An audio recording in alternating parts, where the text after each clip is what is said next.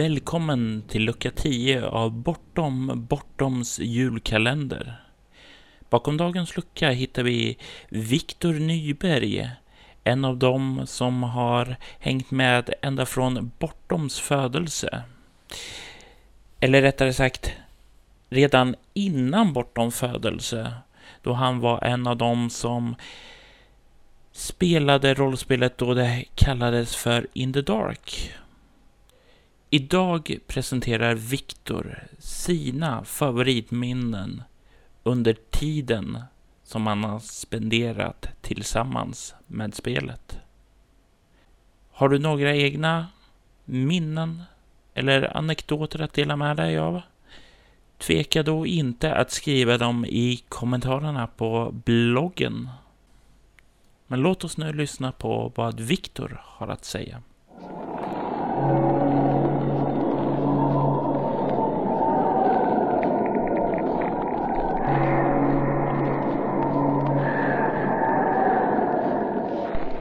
Hej och välkommen till Bortom, Bortoms julkalender.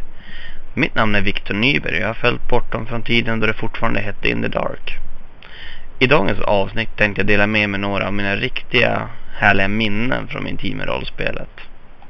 Jag satt länge och funderade över vad jag skulle skriva eftersom jag spelat så mycket inom det. Men eh, då slog det mig att jag kanske ändå inte ska behöva spoila allt för mycket med en och samma kampanj. Så därför tänkte jag ta några guldkorn från varje. Och jag tänkte börja med från en kampanj som eh, tidigare hette Winter Hills. Där spelarna beger sig upp till norra Alaska för att träffa på en gammal släkting där. Ni känner ju igen historien och eh, mycket riktigt så går inte allting som det skulle. Och där vid ett tillfälle så blir en av mina spelare i spelgruppen helt överrunnen av massor med små varelser som är ute efter hans blod. Och de finner inget vettigt sätt att stoppa de här på. Så i ren desperation så sliter han fram en stor dunk med diesel till deras snötraktor. Och eh, kastar sig ner på marken med en tändare. Och låter monstren svärma över honom. Det fantastiska med den där situationen var, minst som sadistisk spelledare som jag är, var minen av honom när han släppte ner den i dunken av diesel och hörde bara ett plums. Frustrationen och skräcken i att se att han har misslyckats eftersom han upptäckte där att det är inte riktigt Hollywood jag spelledare. Och visst, man kan känna sig riktigt elak ibland när man gör såna här saker, men eh, ja, han eh, uppskattade i alla fall upplevelsen och överlevde att berätta historien senare. Sen eh, efter det här äventyret, som jag även spelade igenom med en annan grupp,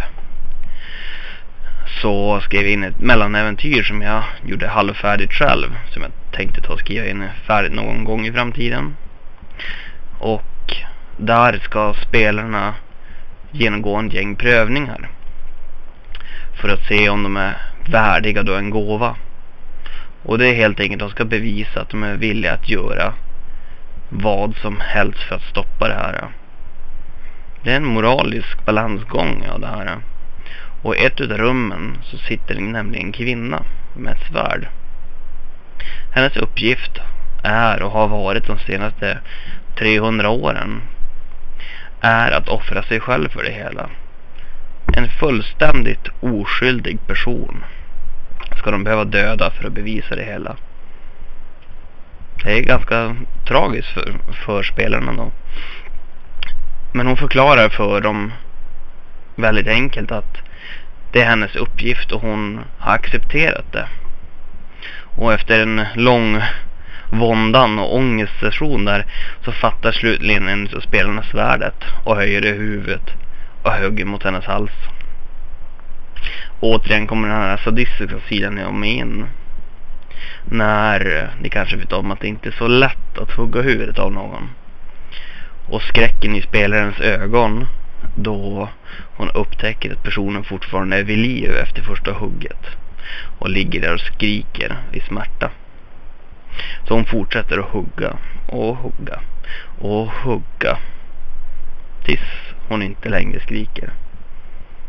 Och eh, det var en eh, hemskt påfrestande session av, för spelaren.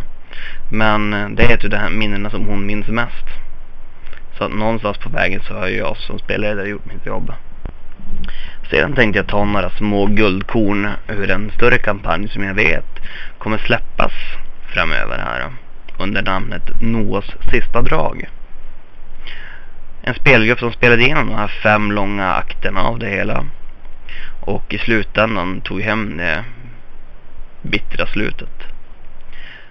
Men eh, på vägen så hände det några väldigt intressanta saker. Nämligen så att de märkte ju hur eh, efter att ha spelat med dem ett par gånger i andra äventyr runt omkring så när spöken, demoner, onda andar och liknande i görningen så verkar elektriciteten inte riktigt bete sig som allting annat. Så att de var som vanligt utan ficklampor och mobiltelefoner. Nu är det så här att under den här kampanjen så visade det sig att de lyckades tillförskaffa sig ett ganska ansenlig summa pengar.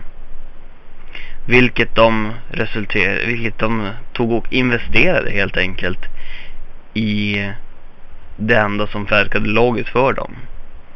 Nämligen en fabrik som tillverkade lysstavar.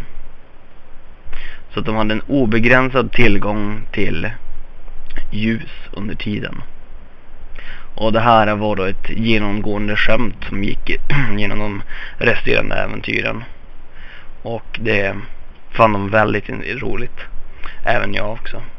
Ett, det här är en av de perfekta balansgångarna mellan comic relief och en tryckande skräck som jag kommer ihåg. Men det där var allting jag tänkte dela med mig om. Men jag har haft många långa sessioner med folk och bortom eller in the dark som det var känt och jag spelade som mest är fortfarande en av mina favoritrollspel där ute och är de som jag har spelat och upplevt allra, allra mest med tillsammans med mina spelare. Och då är framförallt kampanjen Noahs sista drag som den kommer att heta framöver. Den som jag spelat mest. Skämtade där ett tag att jag har spelat den fler gånger än författaren själv. Den är faktiskt så bra. Så att jag hoppas er andra får njuta av den i framtiden. Tack för mig.